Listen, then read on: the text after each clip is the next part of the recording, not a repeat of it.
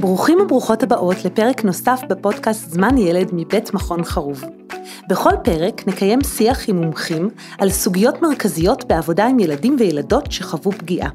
שלום למאזינות ולמאזינים שלנו, אני פרופסור כרמית כץ, מנהלת תחום המחקר במכון חרוב וחברת סגל בבית הספר לעבודה סוציאלית באוניברסיטת תל אביב.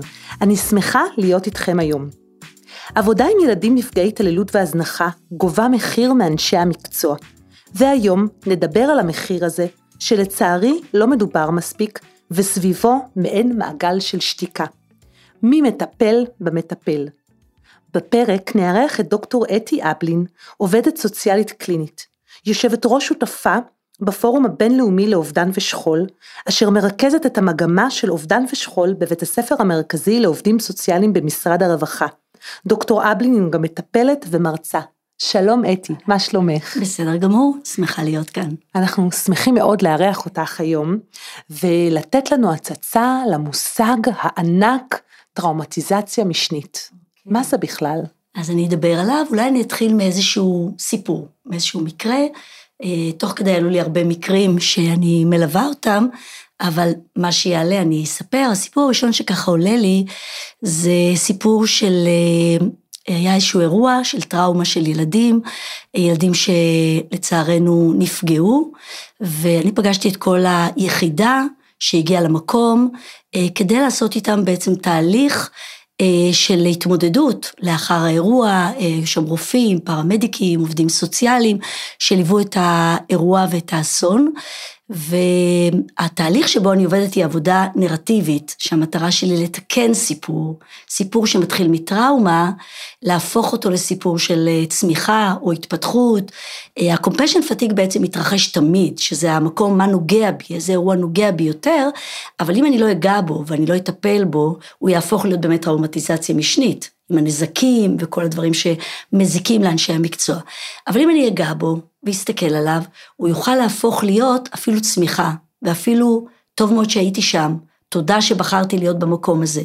אז אחד הסיפורים מתוך עשרות סיפורים שעלו באותו מפגש, היה אחד אה, מצוותי הרפואה, שסיפר, התחיל מהסיפור של אה, טראומטיזציה משנית. בעצם, חבל שהגעתי, חבל שהלכתי לטפל, חבל שראיתי את כל ההרג ואת כל המוות של הילדים, ואני בעצם לא עשיתי כלום. תפקידי להציל, אני רופא ולא הצלחתי להציל אף אחד מהאנשים שהיו שם, ואני מרגיש כובד מאוד גדול, מחירים מאוד גדולים שהייתי שם, אה, ואז הוא סיפר את הסיפור הזה, ואני סיפרתי סיפור אחר, שני סיפורים, לסיפור שלו.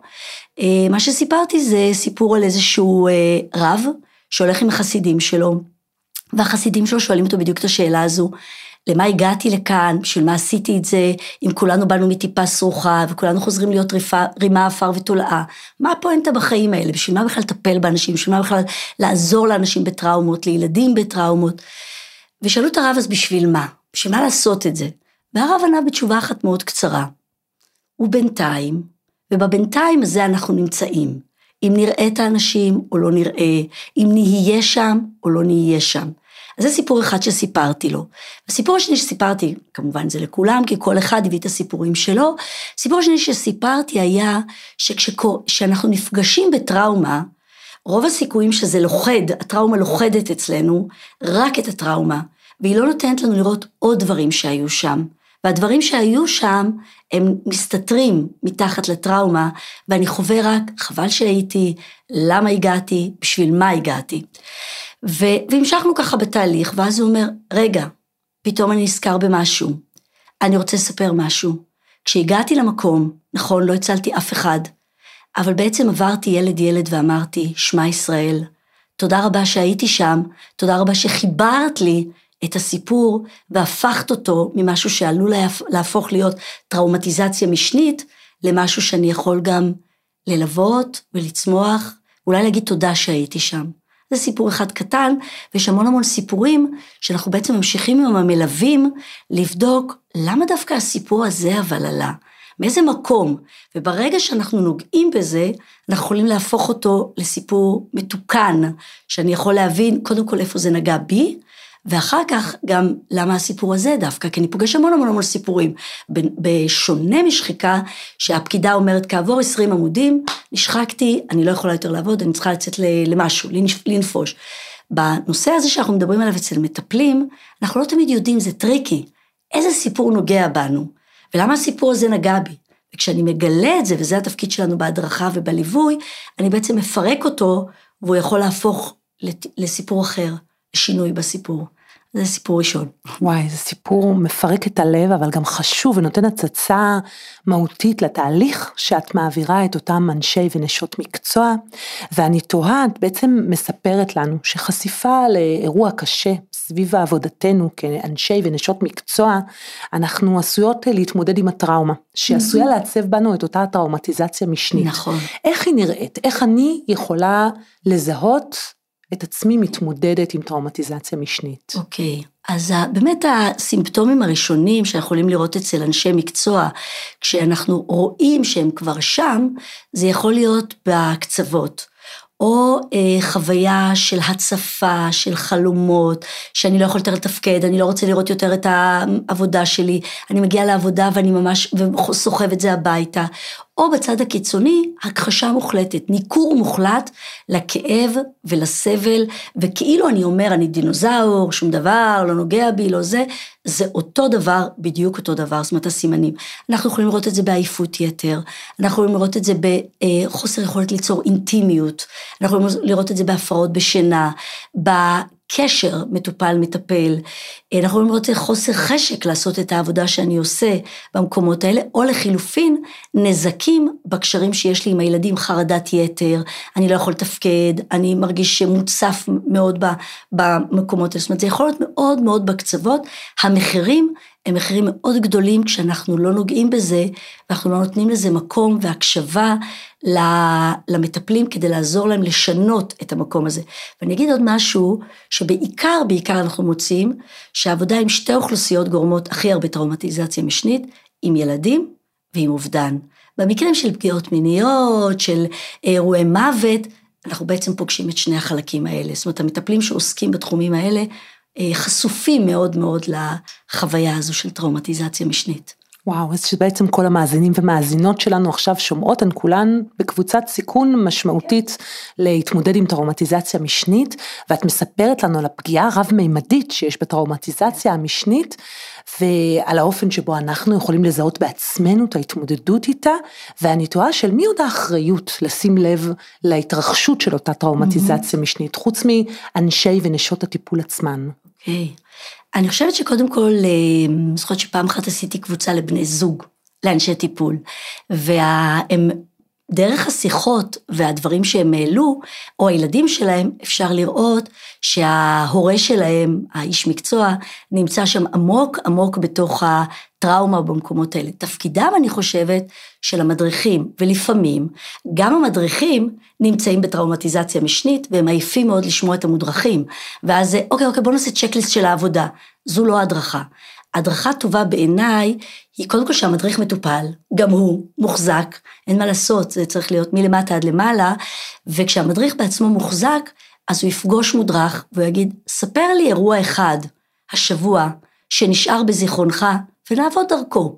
לא חייבים להספיק אלפיים טיפולים, אלא אפשר סיפ... דרך סיפור אחד לגעת באירוע הזה כדי ללמוד לנקות אותו וללמוד להשאיר את מה ש... להפוך אותו בעצם מסיכון במקצוע לסיכוי ולברק בעיניים, כי זה מה שאני חושבת שהכי חשוב לי עבור, עבור אנשי המקצוע, לפגוש אותם במקום הזה של הטראומה ולעזור להם לעבור איזשהו תהליך, ויש לנו ממש מודלים שאיך אנחנו עושים את זה, אה, כדי אה, לגעת בזה, להיות בזה, לא לחטט, ומהצד השני לעזור להם בעצם לפתח אצלהם את היכולת גם לטפל בעצמם כל הזמן. זה לא פגע וברח, זה משהו שאני צריך לדעת כלים איך לטפל בעצמי, ולא רק לחכות מדי פעם לסדנת בלוף, או הנה הוציאו אותנו לים, ואחר כך חזרתי לעבודה ומצאתי 400 תיקים שאני צריך אה, לטפל בהם. אז את אומרת פה בעצם שני דברים ממש חשובים, גם שההתמודדות, המניעה וגם הטיפול מהסיכון לסיכוי של הטראומטיזציה המשנית צריך להיות בשגרה, בדיוק. גם של איש ואשת המקצוע, אבל גם שזה צריך להיות ממסדי. לגמרי. כלומר, מעוגן בשגרה של אותו ארגון, דרך הדרכה, אבל גם דרך סוג של הדרכה בין-דורית. גם המדריך בדיוק. צריך לקבל הדרכה וגם האיש מקצוע, ומהניסיון שלך, כמה זה שכיח, מודל כזה ששם במוקד את הטראומטיזציה המשנית? אני חושבת שלא מספיק. אני רואה את זה פשוט כי אני מגיעה הרבה ללמד בבית ספר המרכזי בדימול או במקומות אחרים, ואני רואה את הרעב בעיניים, חוק נוער, אנשים שעובדים עם ילדים, עם פגיעות מיניות, עם אה, אה, אובדנים, ובאמת באמת אני רואה שהרבה פעמים החור והבור גדול מדי, כי גם לדעתי ראשי הצוותים וגם המנהלים, מנהלי אגפים, לא תמיד מקבלים. זה צריך להיות כמו שאני נותן את שק הטיפול, ככה באותה עת אני נותן גם את המקום של הכלים וההדרכה שהצוות יוכל לסייע במקומות האלה. לצערי, הרבה אנשים מגיעים, אני מזהה את זה אצלם כשהם כבר מגיעים לטיפול. הם פגשו איזושהי הרצאה ואומרים, וואו, אני שם. ואז הם פשוט פונים ומבקשים טיפול. זה חבל לי, כי אני רוצה שזה יהיה הדרכה, שזה יהיה חלק מהחינוך בשגרה, כל הזמן. כמו שאני מקבלת את השק של העבודה, באותה עת אני מקבלת את השק של המענים ושל הכלים ושל ה, אה, של ההתמודדות בתוך התהליך הזה. זה סופר חשוב, ואני מתארת לעצמי שלא רק העבודה, עם, כמו שאמרת, עם שתי הקבוצות של ילדים ושכול, אלא בכלל כל השנתיים ההזויות האלה שאנחנו בתוכן, הם בוודאי עוד יותר שימו את הטראומטיזציה המשנית שחווים אנשי ונשות מקצוע. בהחלט, כי אני חושבת שבאמת בתקופה האחרונה של השנתיים, בעיקר בהתחלה, ראיתי את זה המון המון אצל צוותים רפואיים ואצל אה, עובדים סוציאליים, שאנחנו קוראים לזה בעצם אה, טראומה משותפת. שגם המטפל וגם המטופל חשופים לאותה חרדה, שמא יקרה לי משהו, שמא אני אדבק וגם שמא אני, אני אגרום לו בעצם להיות חולה, והסגר המאוד מאוד גדול גרם לאנשים להכפיל את היכולת, וגם הזום, שאתה מטפל בעצם באנשים בזום, ואתה אומר, טוב, אולי בעצם לא צריך, טוב, אולי בעצם גם את זה לא צריך, ולאט לאט אתה מוצא את עצמך מצמצם את עצמך בתוך העבודה שלך, ואין ספק שהתקופה הזו הגבירה מצוקות, גם אצל צוותים מקצועיים וגם אצל uh, המקום של uh, המטופלים עצמם, כי אני חושבת שהתקופה הזו סגרה לנו את האור, את השמש, את המרחבים, ואז יש לנו פחות ופחות יכולת uh, גם לטפל בעצמנו, גם uh, לעבוד מול האנשים ש... שאני רואה את זה לדוגמה גם באמת בצוותים רפואיים, ששבוע פגשתי קבוצה של רופאים מחוזיים ורופאים צעירים, שהחליטו לגעת, רופאי משפחה, שבעצם עובדים יום יום עם טראומות של ילדים וטראומות של משפחות, ובעצם דיברו על הטראומה שלהם, שכשהם פוגשים את זה, הוא אומר, אני לא איש מקצוע, ואני נחשף לזה, ולא תמיד אני יודע מה לעשות עם זה. איך לטפל בעצמי, איך אני עובר בעצם מהמקום של החושך ושל הכאב. הייתי רוצה להגיד לו, תקשיב, קח את הטופס, מהר מהר לעובד סוציאלי ולפסיכולוג, אבל הוא כבר יושב אצלי בחדר, אני צריך לראות אותו. אני חושבת ששם גם כן יש מקום איך לעזור להם ולתת להם כלים להתמודד עם זה, ולפעמים הכלים הם מאוד מאוד פשוטים, שהם מסייעים להם די מהר בלה, בלא לפחד לשאול שאלות, ומיד להפנות אותו לאיש טיפול, ומהצד השני לעזור לעצמם. במקום הזה. וואי, זה מרתק, ו- וכמה זה לגיטימי אה, עבורי כאשת מקצוע, שאני חווה את אותה טראומטיזציה משנית, לשתף את מי שיושב מולי, המטופל שלי, במה שעובר עליי. מה את חושבת על הדבר הזה? את המטופל או את, ה... את המטופל? את, את המטופל. אז אני אגיד ככה, באמת הרבה פעמים, המטופל, אני חושבת, הוא חווה עם המטפל שלו, היה שם, אנחנו קוראים לזה, זאת אומרת, הוא נגע בכאב, והוא יודע מה, מה המקומות שהוא חווה. לפעמים יש לי מטופלים שאומרים לי, וואי, אתי, אני חושב עלייך, מהבוקר עד הלילה את נוגעת בכאב ובטראומה. זה, זה ממש, אני כאילו אומר, גם אני אעמיס עלייך, גם אני אהיה במקום הזה. ואני חושבת שככה באמת השיח על זה, שזה לא רק, אה, אני, הכל בסדר, זה עבודה, נכון? זה מאוד נוגע. אם זה לא היה נוגע, הייתי מפסיקה לעבוד במקום הזה. אבל יחד עם זאת, אני אומרת, זה גם נוגע וזה מכאיב, ובאותו רגע זה גם יכול להפוך להיות למשהו של משמעות ותקווה. אני מספרת להם תמיד את הסיפור על קיסה. יש סיפור על קיסה שהלכה לבודה וביקשה עזרה, כי היא לא יכלה לשאת שהבן שלה מת, ובודה שולח אותה למסע לכל מיני בתים, לחפש זירי חרדל, והיא עושה את המסע ובסוף היא מבינה, אין מה לעשות, הבן שלי מת, אבל כמה תובנות היו לה. האחד שדווקא את העזרה הגדולה ביותר היא קיבלה מאנשים שחוו את הכאב, והדבר השני שגם היא הייתה בחמלה והיא רצתה לסייע לאחרים, והיא הפכה להיות גם מטפלת בדרך, ויום אחד היא הולכת והיא רואה מישהו שמוכר אה, הר גדול של אה, אפר, והיא אומרת לו, אני קונה את הכל. וכולם מסתכלים, מה את קונה אפר? אין מה לעשות באפר, זה סתם, אולי בגלל דעתה השתבשה, בגלל שהבן שלה מת. והיא אומרת, לא, אני, שהבן שלי שהיה זהב וטהור, הפך להיות אפר כשאיבדתי אותו, הבנתי שמתוך האפר גיליתי את הכוחות שלי והפכתי אותם לזהב בתהליך שאני מלווה אנשים בדרך. אז אני קונה את כל האפר.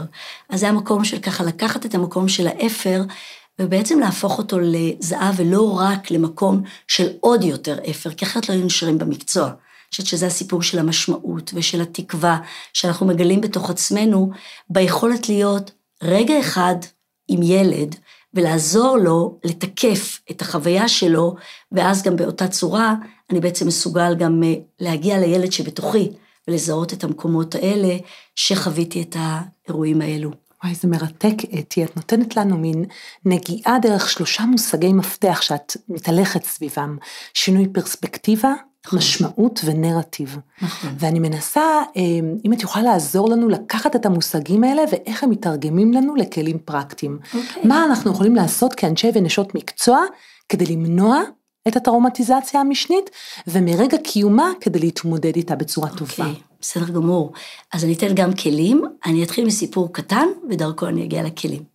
אחד המקרים שליוויתי אותו היה קבוצה ששאלתי על אירועים שהם זוכרים. ואחד אמר, אני זוכר מקרה, פשוט תקוע לי בראש. אני חושבת שהוא התחיל מהתמחות שלי, כשהייתי מאוד צעיר, והכל חדר, והכל פלש, אבל זה האירוע שעולה. הוא אומר, הייתי בבית חולים, עבדתי שם, והגיע ילד עם אבא שלו, שעבר אה, התקף לב. ואני אמרתי, אני מוכרח להציל אותו, אני חייב להציל אותו. ועוד גם הילד שם, בלי האימא, ואיש כל כך צעיר, וטיפלתי וטיפלתי, ולצערי לא הצלחתי. ויצאתי אל הילד וקיוויתי שהעובדת הסוציאלית נמצאת, וצוות הצלה, ואימא שלו אולי הגיעה. וכשהגעתי אליו, ראיתי שהוא לבד. אמרתי, אוקיי, אני נאלץ לספר לו את הרע מכל. והגעתי אליו, והוא אומר לי, הילד אומר לו, אבא שלי מת, נכון? והוא אומר, נכון, אבל איך אתה יודע? הוא אומר, ברגע שתופפת בכבדות בנעליים שלך, אני הבנתי שאיבדתי את התקווה ואיבדתי את אבא שלי. באותו רגע, הוא אומר, ישבתי על ידו, ודיברתי איתו, וסיפרתי לו, וחיכיתי עד שאימא שלו תגיע, ואין לי מושג למה הסיפור הזה נתקע בראשי, והייתי רוצה לזהות ולהבין למה. פגשתי הרבה חדר מיון, פגשתי הרבה שנים של עבודה, ולמה דווקא האירוע הזה? ואז אני אומרת לו, באמת זה מעניין למה אירוע. זאת אומרת, אולי בגלל ילדים? ילדים תמיד זה נוגע בנו, ילדים תמיד זה מכרסם בנו. יכול להיות, אבל יכול להיות שיש עוד סיפור. ואחרי כך היום הוא חוזר ואומר, הבנתי. כשאני הייתי בן 13, אבא שלי חלה מאוד, ואף אחד לא דיבר איתי. והיום אני אומרת לו, תראה את הסיפור. כשאתה היית בן 13, אף אחד לא דיבר איתך, והסיפור הזה הולך איתך שנים רבות כטראומה. הילד הזה שפגשת, יזכור בעתיד שנכון, אבא שלו נפטר מדום לב, אבל היה שם בן אדם אחד שדיבר איתו, והיה שם בן אדם, וזה כל הסיפור, הוא יכול לתקן את הסיפור שלו. ואז הוא אומר הרופא, אוקיי, גם אצלי עכשיו הסיפור השתנה. ממקום של טראומה שלא הצלחתי, למקום שתיקנתי עבור מישהו ועשיתי משהו שעבורי לא עשו. אז דרך זה אני רוצה ככה לתת קצת את הכלים, שקודם כל בתהליך אנחנו תמיד מחזיקים כמה כלים. אחד זה המודעות, שהרופא הזה פתאום זיהה סיפור אחד שנגע בו, סיפור אחד שעשה בו איזשהו משהו בלגן בתוכו. הדבר השני זה עבודה עם הגוף, שאני בעצם גם משחרר מעצמי את העומס ואת הלחץ, ממש עבודה דרך tapping, דרך אה, שחרור שרירים, דרך הליכה מודעת, כל דבר שככה, מיינדפולנס, כל דבר שדרך הגוף אני יודע לנקות ולשחרר את המקום הזה, במקום שזה אה, יאחז בתוכי, אה, בכל מיני מקומות בגוף שלי, אני רוצה ללמוד לנקות ולשחרר את זה. והדבר האחרון זה הנרטיב, שכשאני מוצא לו פרשנות וסיפור, הוא יכול להמיר ממקום של את עצמו ולעשות טרנספורמציה למקום של תקווה. בתוך זה יש לנו עוד משהו שאני רוצה לתת ככלי, אה, אני אקח את זה מסיפור בראשית, פרק א', בבראשית פרק א' יש חושך ותוהו ובוהו על פני תהום. החושך לא מבקש רשות, הפגיעות לא מבקשות רשות, האסונות לא מבקשים רשות. הם מגיעים, כמו הקורונה, כמו פגיעות מיניות, הם פשוט נוחתים. אבל את האור אנחנו צריכים להיות אקטיביים. ואז יש ויאמר אלוהים, יהי אור. אוקיי? הוא אקטיבי בלהכניס את האור, ומפה מתחילה העבודה. ויבדל אלוהים בין האור לבין החושך. מה שהוא מלמד אותנו, לא באנו חושך לגרש, החושך יופיע, החושך יהיה. אנחנו בקבלה של החופש, שזה אחד הכלים שעוזרים, אני לא אומרת השלמה, כי השלמה היא משהו פסיבי. טוב, זה מה שקורה. קבלה זה משהו הרבה יותר אקטיבי. אני מקבל שזה מה שמתרחש. והדבר השני שהוא עוזר לנו, הוא לא מגרש את החושך, הוא מקבל אותו, ואז הכלי השלישית שהוא אומר, ויבדל. הוא מלמד אותנו בעצם לעשות טקסי הבדלה. בין הבית לעבודה, בין העבודה לבית, בתוך העבודה, בין מקרה למקרה, שאני עוצר, שאני נושם, שאני יכול ללכת לשתות מים, שאני יכול רגע אחד לקבל את מה שמתרחש גם, עד שאני עובר למקרה הבא. זאת אומרת, גם אני יכול לייצר עבורי כל מיני דברים לפני המדריך ולפני הנרטיב, ברמה הכי הכי בסיסית, ולא לערום עליי עוד אירוע ועוד אירוע, אלא לדעת לעצור ולנשום, ולעצור, לקחת לשתות משהו ולחזור לפגישה הבאה. כאילו לנקות את האירוע הבא כדי לקבל את האירוע הבא שמגיע. אחרת זה נכנס לתוך הגוף שלנו, ואז אנחנו ככה מרגישים שהמחירים הראשונים שאנחנו משלמים, זה המקום של הגוף שלנו. וואי, זה מרתק לשמוע אותך, ואני תוהה אם את יכולה לעזור לנו רגע, עם המאזינים והמאזינות שלנו. יש לך איזושהי דרך לתרגל איתנו עכשיו משהו שאנחנו יכולים אולי לאמץ לאחת ליום שאנחנו ברכב, או ממתינות בתחנת רכבת, או ממתינות בישיבה, משהו שאנחנו יכולות לעשות כדי להכניס קצת יותר אור ליום-יום okay. אוקיי. שלנו. אז אני אתן אחד הכלים, יש כל מיני כלים. אה, כלי אחד שאני מאוד אוהבת, ואני מיד נותנת אותו לכל המטופלים שלי ולכל המודרכים, אה, וגם לעצמי. אה, זה נקרא עשן דק של דני חמיאל, שבעצם הוא מאוד מאוד פשוט, הוא לא מחטט בעצמי, כי אם אני מחטט ואין לי גם מישהו מולי לתקשר איתו את הסיפור, אז אני סתם מכביד על עצמי. אבל העשן דק הוא כלי מאוד מאוד קוגניטיבי, שהוא מאוד עוזר. העין אומר עצירה, כשאני קם בבוקר, אני קודם כל, ואנחנו יכולים לעשות את זה, מקרקע את הרגליים שלי על האדמה, וזה הקרקוע וזה העצירה. אני לא מיד קם ודוהר, ואם נמצא בתחנת אה, רכבת, למה לא לפני, לפני שאני עולה לרכבת, לעשות לי בשתי דקות, המוח יודע אחר כך להחזיק את זה, וגם להשתמש בזה ברגעים אחרים. אז העצירה שזה הגראונדד, על האדמה. השין אומר לשחרר את השרירים שלי, איך אני משחרר? מכל השרירים שלי, מהצוואר, מהראש, מהכתפיים, מבית החזה, ששם מצטברת המון המון המון חרדה, מהבטן, בכליות. רגע אחד אני משחרר את כל האנרגיה הכלואה מהגוף שלי, בלי להבין למה. היא כלואה. זה גם אם אני חושב שהיא לא כלואה, היא נמצאת בתוך הגוף שלי, בלי להבין למה ומאיפה זה קורה, פשוט לשחרר את זה. הנון מדבר על נשימות עמוקות, שזה אומר הכנסת אוויר מהאף, השארת אוויר בבטן, כמה שניות, ולהוציא את האוויר מהפה, כמה שניות בצורה כזו. להשאיר את זה בבטן, עד הבטן, ולהוציא את זה ארבע פעמים, את הנשימות האלה. זה משהו שמנקה, מכניס אוויר נקי לתוכי, ומוציא את האוויר שהזדהם והתלכלך בעבודה, במקרים שחדרו אליי. הדלת אומר דיבור מיטיב, דיבור מחזק, דיבור שאני יכולה להגיד לעצמי, לדוגמה, כל הכבוד לי, עשיתי עבודה, אחלה עבודה, או הייתי שם, או אני רואה את עצמי, ועכשיו אני בנדיבות לעצמי. והקוף אומר, קדימה לדבר הבא, שזה אומר לעלות לרכבת, שזה אומר ללכת לטפל בילדים, שזה אומר לעשות כל דבר שאני רוצה לעשות. אם אני מתרגל ואני עושה את זה, לפחות פעמיים ביום, יחסית אני מכוסה. אני משהו שאני מאוד מאוד טוב, שאני מצליח לשמור על עצמי. מודל נוסף אחד קטן שאני רוצה לתת, של קריסטי נף, פרופסור קריסטי נף, שבעצם מדברת על אה, מודל שמורכב משלושה חלקים, קרן. הקוף אומר להיות בקשיבות לעצמי, מה שלומי עכשיו, מה קורה איתי עכשיו, שתיתי, אכלתי, במקום להיות בניכור ובמקום להיות בהצפה, בהזדהות יתר והתמכרות לאדם, אני יכול להיות רק בקשיבות, במה שלומי. הרש מדבר על המקום של רשות להיות אנושי. כולנו בני אדם, כולנו עושים שגיאות, לקבל את הרגשות השליליים שלנו, הרגש של, של כעס, לא להיאבק בזה, לתת לו מקום, של כאב, לתת לו מקום. יש כאב, תן לו מקום, יש כעס, תן לו מקום.